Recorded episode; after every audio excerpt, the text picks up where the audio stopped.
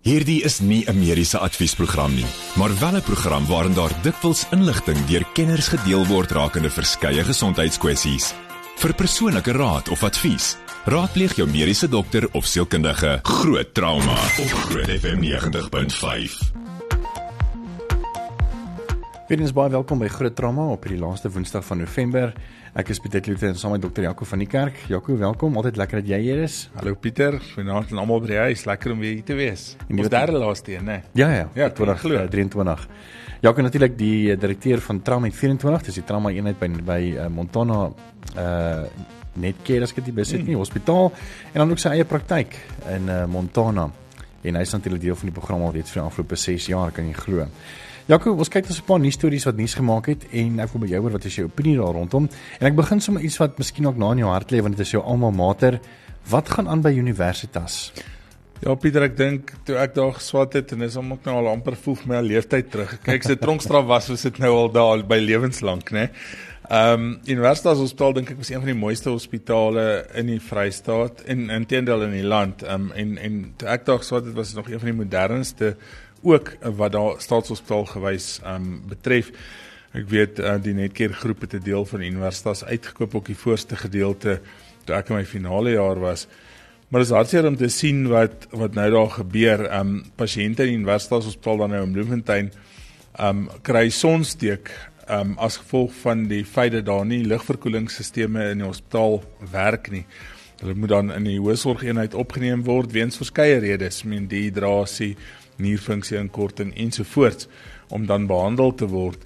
Die hospitaalsvensters kan nie oopmaak nie. En is, is mense wat al ooit universitas gesien het, sal weet hoekom nie, want daar het al ook mense daar uitgespring en dit is 'n redelike hoë gebou. Ek weet pediatrie was altyd op vloer 10, so dan kan jy nou dink as daai vensters kon oopgemaak word wat sou gebeur. Op die 3de en die 7de verdieping um is is chirurgiese sale en dan nou 'n dokter wat uh, wat anoniem wil bly sê dat die pasiënte ernstig sepsis opdoen in daai sale wat dan uit die aard van die saak ook die die lading op die staatssektor net verhoog omdat jy dan 'n hoë sorg pasiënte het. Septiese skok is een van jou slegste skok um toestande wat daar is.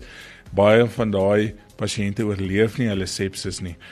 Um toe netwerk 24 toe nou Dinsdag by 10:00 die oggend um by die hospitaal besoek afgelê het, was die aanvoelbare temperatuur in die hospitaal op vloer 3 meer diep in die 30 grade Celsius. Nou die mense lê daar um daar is dakwaaiers aangeskakel, maar jy weet baie van die dakwaaiers beweeg maar net die warm lug rond. Hmm. So die mense lê daar semi um sonder klere net om te probeer afkoel. Um en dit is regtig waar absurd. Volgens die internasionale riglyne moet die temperatuur in 'n hospitaal tussen 20 en 22 wees. Dis waar 'n gemaklike temperatuur is met 'n maksimum van 24 en 24 dan in die kraamsaal waar die babatjies dan gebore word. Um maar by, by hulle is die gemiddeld 29 en tot 34 grade. Ja. Um dis dis eintlik warmer want hulle termostate sê hierdie betrokke dokter is onakkuraat. Ehm um, so dis 'n groot groot probleem en dit lyk asof die probleem al langer as 'n jaar daar is. Ehm um, die mediese personeel wat daar werk vir die hospitaal moet moet eerder toegemaak word tot en met hierdie toestand uitgesorteer is omdat dit 'n hoë risiko vir infeksie ehm um, veroorsaak vir pasiënte en ons moet onthou dat Universitas Hospitaal se tersiêre hospitaal so al die moeilike goed, al die verwysingsgoed kom daarna. So dis alles komplekse gevalle wat wat gewoonlik daar opgeneem word en die risiko vir die pasiënte is net te hoog. Net hierdan gaan ons gou vanaand 'n bietjie kyk oor 'n uh, artikel wat hier aan hy van Cell op net 25 wat sê dat HIV infeksies in Suid-Afrika daal effens, maar daar is 'n kinkel in die kabel en Jaco gaan vir ons 'n bietjie sê hoekom. So bly gerus ingeskakel daarvoor. En dan bietjie later in die program gesels ons 'n bietjie oor uh, oor alkoholisme en uh, oor alkohol. En ek wil vanaand by jou hoor, is alkoholisme 'n diagnose? Ja of nee? 061 6104576 onthou standaard dat dit geld. Is alkoholisme 'n diagnose? 061 6104576 onthou standaard dat dit geld. Groot trauma op Groot FM 90.5. Ons kyk dan ons 'n paar nuus stories wat nuus gemaak het en ons hoor 'n bietjie wat ons dokter Jaco van die kerk se uh, opinie daar rondom. Jaco, dit lyk my ons kan net nie wegkom van staatshospitale af nie nou in die Oos-Kaap. Ja, Pieter, ehm um, dis dis eintlik hartseer om net te sien want ons ons almal dink en praat en almal praat van nasionale gesondheid. Maar daar is nou 'n 'n verslag getitel The Horrors of State and Provincial Hospitals in South Africa wat dan nou die die toestande in Suid-Afrikaanse hospitale gaan evalueer het. Ehm um, daar's daar's foto's van pasiënte, die toestande en omgewing en en en die werking van alles. En in hierdie verslag is daar volgens uh, dan die verslag van Julie 2022 tot Augustus hierdie jaar 273 klagtes oor staatshospitale in Suid-Afrika, groot klagtes. Um uh, uh, jy weet uh, ingedien. Nou dit dit sê vir jou amper elke dag van die jaar is daar klagte. Um daar word bevind dat minstens 93 van staatshospitale in ons land onmenslike toestande heers wat ongelooflik baie is. Sewe van hierdie hospitale ongelukkig in die Oos-Kaap. Nou net twee voorbeelde. Daar's een skokkende voorval wat dan nou beskryf van 'n 76-jarige vrou wat 4 dae tussen Uitenhage, Livingston, Port Elizabeth Provinsiale Hospitaal gestuur is van bakpoort na stuurboord om net haar hartmedikasie te kry. So sy was 4 dae ook sonder hartmedikasie en sy is 4 dae lank besig gehou om haar kroniese medikasie te kry. In 'n ander geval is 'n 'n pasiënt wat al 12 jaar wag op 'n heupvervanging en dis nadat sy ehm um, dan gekwalifiseer het vir die heupvervanging en die dokter het vir haar gesê sy is op die waglys. Gewoonlik is dit so 3 jaar. Sy sit nou op 12 jaar. Nou, dit is regtig waar absurd as mens daaraan dink. Hulle sê ook hier meer as 90% van die Oos-Kaapenaars ehm um, is nie versekerbaar nie weens dan obviously finansiële redes en is afhanklik van hierdie dienste van openbare gesondheidsorg en as mense na hierdie goed kyk dan dink jy net aan die meerderheid van die populasie in daai area het eintlik geen diens nie. Ehm um, en ek is bevrees ek, ek dink en en dis my persoonlike opinie so mense moet my nou nie gaan doodgooi met klippe nie maar ek dink as die res van die land nasionale gesondheid tref gaan dit waarskynlik 'n storie wees wat 'n mens meer gaan sien en meer gereeld gaan sien. Ja, kan dan ook ehm um, lyk dan goeie nuus, maar jy sê daar's 'n kinkel aan die kabel. HIV infeksies in Suid-Afrika daal effens sedert 2017. Ja, ehm um, so daar's 'n nuwe opname wat getoon het dat die persentasie Suid-Afrikaners wat HIV positief is afgeneem het van 14% in 2017 tot en met dan 12.7% in 2022. Wat beteken ehm um, dit kom neer op ongeveer 7.8 miljoen mense wat in, in 2022 ehm um, in Suid-Afrika met HIV leef vergelyke met die 7.9 miljoen in in 2017. Ehm um, dis dan nou 'n opname wat die Raad van Geesteswetenskaplike Navorsing gedoen is in samewerking met Suid-Afrikaanse Nasionale HIV voorkoms en gedragsopname. Ehm um, die die groot krisis hier is dat 'n groot persentasie van hierdie mense wat nog steeds met HIV vigs ehm um, of HIV ehm um, leef is vroue. Nou ons weet met die oordrag daarvan vroue is meer vatbaar as mans. Maar wat skokkend is is dat ehm um, daar 'n groot persentasie van hierdie persone onder die ouderdom 25 jaar is en die grootste skok vir my was dat die meeste die meeste van hierdie gevalle tussen die ouderdom van 15 um tot 19 jaar ouderdom is. Sure. Nou op 15 tot 19 dink ek nie as jy veronderstel om met um HIV um betrokke te wees of, of met kroniese medikasie betrokke te wees al nie. Um en dis regtig waar ek dink daar's daar's groter investering nodig, groter intervensies om mense op te voed en op te lei um om dan nou gedragsveranderinge ook te probeer vestig. Maar ek dink dit is 'n dis 'n slegte ding dat die ouer persone se se se getalle kom baie mooi af, maar jou jou jong persone jou jou adolessente en jong jong um, persone wat eintlik die toekoms van die land is, se persentasie gaan dien ooreenkomstig op. Hmm, dis baie hartseer. Het jy daar nog nog so 'n bietjie ehm um, ander nuus uit die buiteland uit oor uh, varkgriep stam wat in uh, in Engeland ehm um, uh, raak of teëgekom uh, word. En dan gaan ons 'n bietjie later kyk in die program na alkoholisme en uh, en alkoholgebruik val nou oor die feesseisoen wat voorlê. En ek wil sommer by jou vra, Uh, ek en dokter Jaco van die kerk is tog onderskeidig om te om te weet is alkoholisme 'n diagnose ja of nee. Laat weet vir ons op ons WhatsApp lyn 061 6104576 onthou standaard tariewe geld. Groot trauma met Pieter Kloete en dokter Jaco van die kerk op Groot FM 90.5. Ons laaste nuus storie vanaand is oor Britte wat nou ook bevestig hulle eerste of hulle eerste menslike varkgriepstam wat hulle nou gekry het, Jaco. Ja, Pieter, ek dink ons kan baie trots wees want ek dink ons het ons eerste varkgriep epidemie gehad. Ehm um, is dit in 2017 rond. Ehm um, die die groot ding is ek of 2019 dink of 2009, waar was dit? 2009, dit was lank terug, né? Ja. Ehm um, die die groot ding is die Britse openbare gesondheidsbeamptes het maandag gesê hulle eerste geval van 'n menslike geval van die varkgriep stam bevestig, die H1N2 virus wat dan nou getoets is um, in 'n pasiënt wat dan nou ook respiratoriese simptome gehad het. En ons weet varkgriep in ons land is die H1N1 gewees, H1N2 is nou hier en H2 um en 3 is die of H3N2 is dan die hooftipes van hierdie um varkgriepvirusse. En in ons land met die toetse wat ons doen is dit gewoonlik die influenza tipe A wat dan positief toets en dit gee vir jou influenza simptome.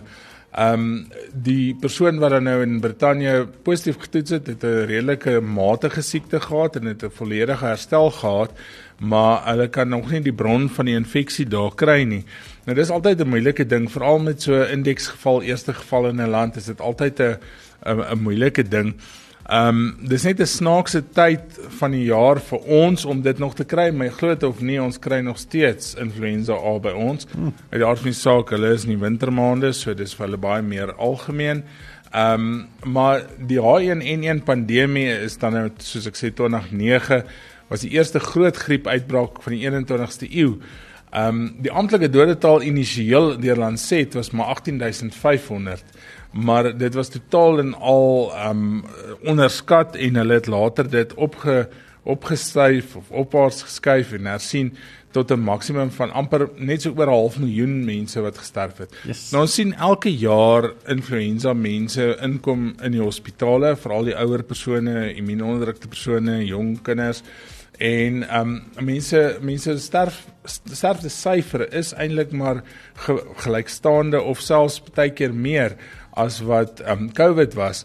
Die probleem is net COVID was net so oorweldigend dat almal siek geword het mm. waar influenza is meer net um ge, geïsoleer by by ouer persone en mense met uh, onderdrukte immuniteit. So ek dink um well done well done Brittanje. maar ek dink um Brittanje is vir ons so half 'n 'n voorloper vir wat in Suid-Afrika gaan kom. So ons gaan waarskynlik ook maar weer 'n varkgriep seisoen deurgaan volgende jaar, maar dis nie 'n ding wat ek dink mense ook oor slaaplose nagte hoef te hê nie. Ja, toe. Dit is nog selfs 'n bietjie oor alkoholisme en oor alkoholgebruik van oor die seisoen wat voorlê. So bly gerus geskakel daarvoor. Met die volgende program bo Groot FM 90.5 om jou as luisteraar met die nodige inligting oor 'n spesifieke onderwerp te voorsien. Alhoewel hierdie inligting dikwels deur 'n kenner op die gebied gedeel word, word jy aangemoedig om jou mediese dokter of sielkundige te besoek vir persoonlike advies of raad. Groot trauma met Pieter Kloete en dokter Jaco van die Kerk op Groot FM 90.5.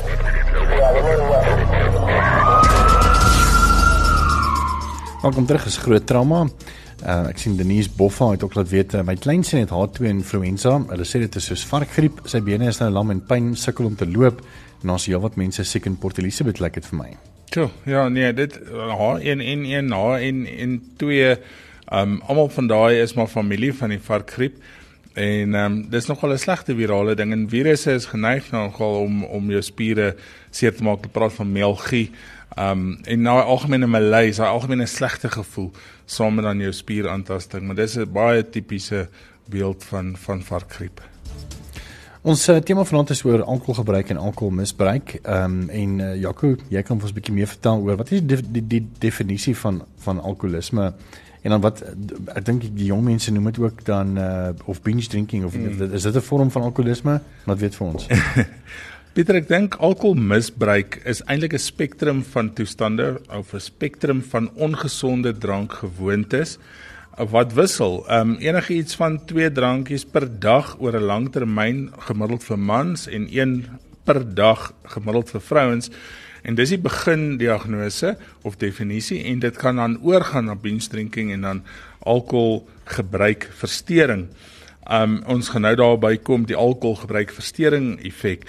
As mens gaan kyk na die definisies, sê hulle um riskante drinkgewoontes wat dan nou kan lei tot alkoholisme of alkoholgebruikversteuring is meer as 14 standaard drankies per week. Um of meer as 4 standaard drankies op 'n spesifieke okasie by mans en dan meer as 7 vir vrouens um oor 'n week en meer as 3 op 'n enkele geleentheid um word gesien as gevaarligte en as jy dit gereeld doen om dan oor te gaan tot alkoholgebruik uh, uh sindroom of of of verstoring.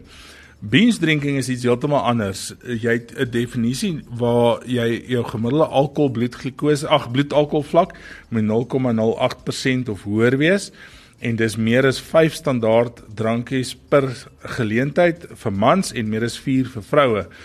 So dis bietjie meer as wat as wat dan toegelaat word vir vir gereelde gebruik. Ehm um, nou in die ou dae ons praat in in psigiatrie of in sielkunde van van die DSM, dis Diagnostic Systems Manual wat hulle gebruik en daar's 5 ehm um, uitgawes of weergawe sal uit. Nou in die begin so tussen in 1994 en 2013 is die DSM-4 kriteria gebruik en daar het hulle afsonderlik gepraat van alkohol misbruik, alkoholafhanklikheid en alkoholisme. Dis dis verskillende uh, kategorieë gewees. Vanaf 2014 waar die DSM-5 kriteria ingekom het, het hulle al hierdie sindrome, alkoholmisbruik, alkoholafhanklikheid en alkoholisme saamgevat en alkoholgebruikversteuring genoem. So die term alkoholisme is nie meer 'n diagnose by mediese sorg nie, daar's ook nie meer 'n ICD-10 kode wat jy vir die fonds kan instuur en sê dis alkoholisme nie, maar alkoholmisbruik of alkoholgebruikversteuring is dan eintlik 'n wye wye uh, verskeidenheid van simptome en sindrome onder een uh, sambreel omdat daar so baie faktore beskik of of of verantwoordelik is vir die ontwikkeling van hierdie van hierdie verstoring. En dit is nie net 'n psigologiese toestand nie, dis 'n baie baie ernstige fisiese toestand ook. Nou tyd vir mediese mite minuut. Ek dink terwyl ons praat oor alkohol um gebruik verstoring, Ehm um, meeste mense sal vir vir vir ou wat alkohol misbruik sê ehm um, alkoholisme is net 'n psigologiese of 'n sielkundige toestand. Jy moet jou kop reg kry en net ophou.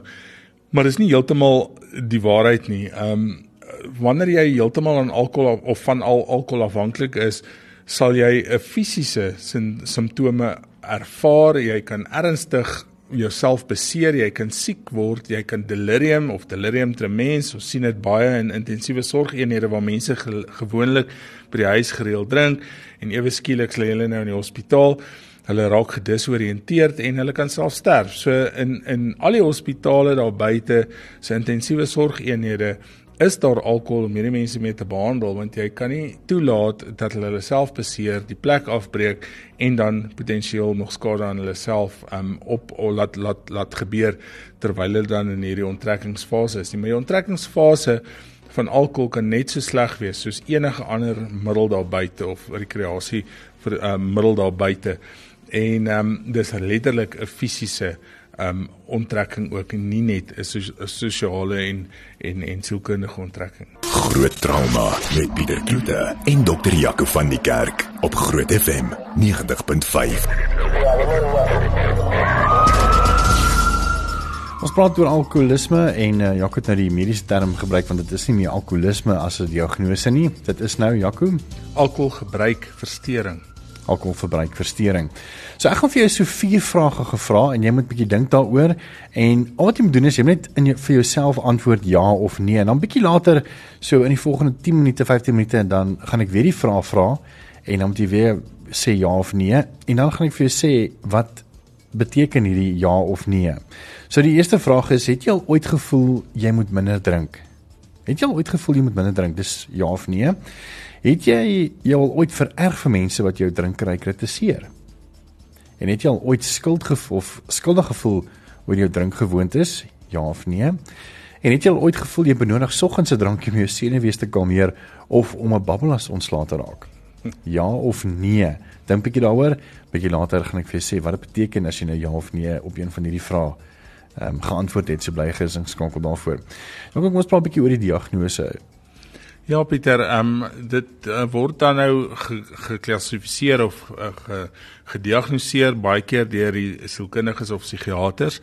En die rede daarvoor is omdat daar so groot persentasie van mense het wat slegte interpersoonlike verhoudings het, sosiale interaksie wat wat agteruit gaan, werks ehm um, persoon uh, werks uh, wat versuur raak. Nou ons het nou nog sê die DSM-5 kriteria is waarop ons deesdae werk, enigiets van 2013 af aan en hoe 'n DSM kriteria werk is ons sê in 'n psigiater enige psigiatriese diagnose jy moet 'n sekere hoeveelheid simptome hê of 1 of 2 of 3 uit 'n lys vir 'n sekere termyn. Nou om as alkoholgebruik verstoring gediagnoseer te word, moet jy net een van die volgende hê vir die laaste 12 maande. Die eerste is dat jy herhaalde alkohol gebruik het wat dan nou um tot gevolg het dat jy um van jou werksverpligtinge nie nakom nie of skool of huisverpligtinge nie as gevolg van jou alkoholmisbruik of gebruik. Die tweede een wat op sy eie kan dien as 'n diagnose is herhalende alkoholgebruik in situasies wat dit fisies vir jou gevaarlik kan wees om alkohol te gebruik. Hierdie ouens wat op konstruksie um areas werk en dan alkohol gebruik waar hulle kan fisies seer kry. Die derde een is gereelde alkoholgebruik ten spyte van die feit dat jy sosiale en interpersoonlike probleme um ondervind en dit vererger word deur jou alkoholgebruik. Jy het net een van daai drie nodig. In die ou DSM-4 kriteria was daar nog herhaalde alkohol verwante regsprobleme ook, maar dit is uitgehaal in die um, ehm, DSM-5 kriteria. So jy het net een van daai goed nodig om gediagnoseer te word as 'n alkohol um gebruik verstoring. Um en dan uit die aard van die saak saam met die definisie van die hoeveelheid alkohol per week of dag wat jy inneem. En bring ons ook by 'n vraag wat uh iemand gevra het van glo wie dit Amrei wat sê as dokter verwys na 'n standaard eenheid alkohol, wat sal dit wees, 'n bier of 'n glas wyn? Dis 'n moeilike ding afhangend van die alkoholpersentasie. Um alkohol um sopies word dan nou gemeet gewoonlik in die, in jare oud as die as die gewone tot measure enkel. Um 'n glas wyn word gesien as 'n sopie en 'n bier word gesien as 'n sopie. Um jy kan nie eintlik obviously nou 'n bier wat 4 of 5 of 6% alkohol inhoud het vergelyk met brandewyn wat 41 of 42 of 43 afhangend van wat jy drink. Um uh, jy weet jy kan dit nie in dieselfde kategorie stel nie. So jy moet daai daai volume um dan koppel en 'n uh, sopie wyn is eintlik 75 ml. Dis eintlik baie min. Mm. Um want 'n glas wyn gaan vir jou dubbel dit gee uit die aard van die saak. So met 'n glas wyn het jy dubbel die ehm um, of het jy eintlik dan twee sopies gedrink met 'n uh, met 'n gewone bier waarskynlik dan nou net een wat die 4% is. So kom ek sê gou vanaf weer of kom ek vra vir jou weer vier vrae en jy moet net in jou kop antwoord ja of nee en dan net hierna gaan ek vir jou sê wat dit beteken of jy nou ja of nee geantwoord het van die volgende ehm um, vier vrae. So eerste een het jy al ooit gevoel jy moet minder drink ja of nee? Het jy jou jou al ooit vererg vir mense wat jou drinkry kritiseer ja of nee? En het jy al ooit skuldig gevoel oor jou drinkgewoontes, ja of nee? Het jy al ooit gevoel jy benodig soggens 'n drankie om jou sinewees te kalmeer of om 'n babbelas ontslae te raak? Ja of nee? So dink daaroor en net hierna gaan ek vir sê wat dit beteken as jy ja of nee op seker van daai vrae geantwoord het. Met die volgende program bo Groot FM 90.5 om jou as luisteraar met die nodige inligting oor 'n spesifieke onderwerp te voorsien. Alhoewel hierdie inligting dikwels deur 'n kenner op die gebied gedeel word, word jy aangemoedig om jou mediese dokter of sielkundige te besoek vir persoonlike advies of raad. Groot trauma op Groot FM 90.5. Ons gesels oor uh, alkoholmisbruik en ek het vroeër vir jou so vier vrae gevra wat jy sommer vir jouself kan antwoord ja of nee. En kom ek herhaal vanaand weer daai vier vrae vir jou. Nou wat jy moet doen is net antwoord ja of nee. Een is het jy al ooit gevoel jy moet minder drink? Ja of nee. Het jy al ooit vererg vir mense wat jou drinkery kritiseer? Ja of nee. En het jy al ooit skuldig gevoel oor jou drinkgewoontes? Ja of nee. Het jy al ooit gevoel jy benodig soggens 'n drankie om jou sinewees te kalmeer of om 'n babbelas van ontslae te raak? Ja of nee. Nou hierdie vraag is gevra deur uh, in 'n boek wat uh, professor Willie Pinaar, hy sê emeritus professor in die departement van psigiatrie met meer as 40 jaar ondervinding in die gesondheidsorg, uh, veral klinies en ook akademies, en hy het 'n boek geskryf Sober 'n praktiese gids na vryheid van verslawing en ons gaan 'n bietjie praat oor die behandeling daarvan met dokter Jaco van die kerk. En hierdie vier vrae kom eintlik uit ehm um, uh, uit 'n studie wat gedoen is in 1968 deur die North Carolina Memorial Hospital wat hulle ontwikkel het en hulle noem dit die cage vraag. So C is cut down, het jy al ooit gevoel jy moet minder drink? A is annoyed, G is guilty en E is eye opener. So as jy in enige van daai vier vrae ja geantwoord het, dan moet jy gevaarligte vir jou laat aangaan volgens uh, Pinaar. Maar Jaco, kom ons praat 'n bietjie oor die behandeling van van alkoholversteuring. Ja Pieter, ek dink ehm um, soos wat mense nou al daar buite hoor, ons ons praat so baie oor wanneer ons praat van behandeling oor die multidissiplinêre benadering en ek dink hier gaan dit oor dieselfde. Ek dink een van die stappe van van behandeling van alkoholgebruiksversteuring is rehabilitasie. Nou rehabilitasie kan op verskillende maniere gebeur. Dit hoef nie in 'n rehabilitasiesentrum noodwendig te gebeur nie. So jy kry buite pasiënt rehabilitasie. Ehm um, wat mense nog steeds werk ehm um, gaan doen of by die skool uitkom maar gereeld dan nou hulle hulle ondersteunende terapeut sien. Ehm um, intensiewe buitepasiënt ehm um, rehabilitasie wat dan nou onder toesig is van iemand weekliks. Um dan gedeeltelike hospitalisasie waar jy 5 dae per week ten minste 8 ure 'n dag daar gaan wees. En wat jy ook getoets kan word te enige tyd um waar jy jou detoksifiseer en en en dan begin behandel um psigologies en dan jou residensieel dis waar die meeste mense korttermyn of langtermyn um die die rehabilitasie sentrums. So daar's verskillende opsies van rehabilitasie. Dan kom farmakoterapie of medikasie in. En ek dink die een wat die meeste mense daar buite ken is die, die sulfiram. Die sulfiram is 'n aktiewe bestanddeel, is die ou antibiotics wat 'n mens gekry het. Ehm um, nou dis as mens alkohol inneem, word daai alkohol in die metabolisme afgebreek na asetaldehied toe.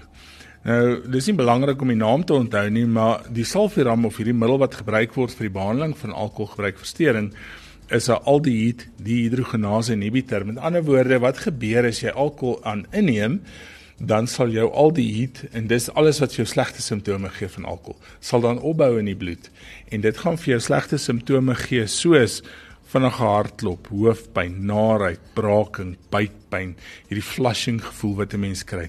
En jy sukkel om daarvan ontslae te raak omdat jy eintlik dan hierdie toksine in die liggaam opbou. En dis hoe die die hele beginsel van die sulfiram werk. Daar's ander ehm um, medikasies ook. Naltrexone is 'n aktiewe bestanddeel van ook verskeie uh, kommersiële middels of, of daar's naltrexone in 'n klomp verskillende middels en dit is 'n opiaat antagonis wat beteken ehm um, dit maak dat jy jou alkohol ehm um, eintlik amper sê jou jou cravings word minder en die die gevoel wat jy kry van alkohol word minder. So mense het nie daai effek wat hulle soek as hulle alkohol gebruik nie. Um uit die aard van die saak dit kan sommer help met opiaat of sekere pynmedikasie onttrekking ook. Dan is daar twee antikonvulsante of antiepilepsiemiddels. Een is dopiramaat, ander een is gabapentin. Dit word oorspronklik gebruik vir antikonvulsant effek, maar ons het nou nou gesê mense wat um alkohol gebruikversteuring het en en selfs alkohol misbruik um kan konvulseer ook as hulle dan onttrek. En dit word dan van um, nie noodwendig on-label nie ons praat van off-label is nie spesifiek daarvoor geregistreer nie en beide hierdie middels is spesifiek vir epilepsie geregistreer maar dit word gebruik om die die gevoel wat jy met alkoholinname kry te beperk en om daai cravings weer eens te te stop. Ehm um, daar's kognitiewe terapie wat die sielkundiges kan aanbied en dan is daar jou jou ondersteuningssisteme ehm um, die al ehm um, alkoholiste anoniem wat almal ken wat deur die 12 step uh, of die 12 stap program gaan en ek dink dis ongelooflik belangrik selfs as jy jou rehabilitasie klaar gemaak het jou farmakoterapeut klaar want jy kan nie heeltyd daarop wees nie. Jou jou um, psigoterapie is klaar sielkundiges is klaar met jou gaan nog steeds na jou alkoholiste anoniem of AA toe gaan deur daai 12 stap program om langtermyn effek te kry en om te voorkom dat jy terugval want alkohol is net so 'n middel soos enige ander middel daar buite mens kan baie maklik terugval in die misbruik daarvan net soos enige ander verdowingsmiddel daar buite onthou alkohol is 'n depressant um, so mense gebruik dit baie keer om hulle depressie en angs en stres te hanteer maar dit um, kan 'n mens eintlik verder in die gat van depressie ook laat val So dis dit vir vir ons tema. Onthou as jy graag wil hulp hê, daar is 'n webblad aa.southafrica.org.za. Dit is alcohol or alcoholism anonymous. Dis aa.southafrica.org.za en jy kan daarso 24 uur met iemand gesels of dan 0861 435 722. En dan op hulle webblad is dit ook baie maklik jy kan sommer vir hulle 'n WhatsApp stuur as jy wil. So dis aa.southafrica.org.za.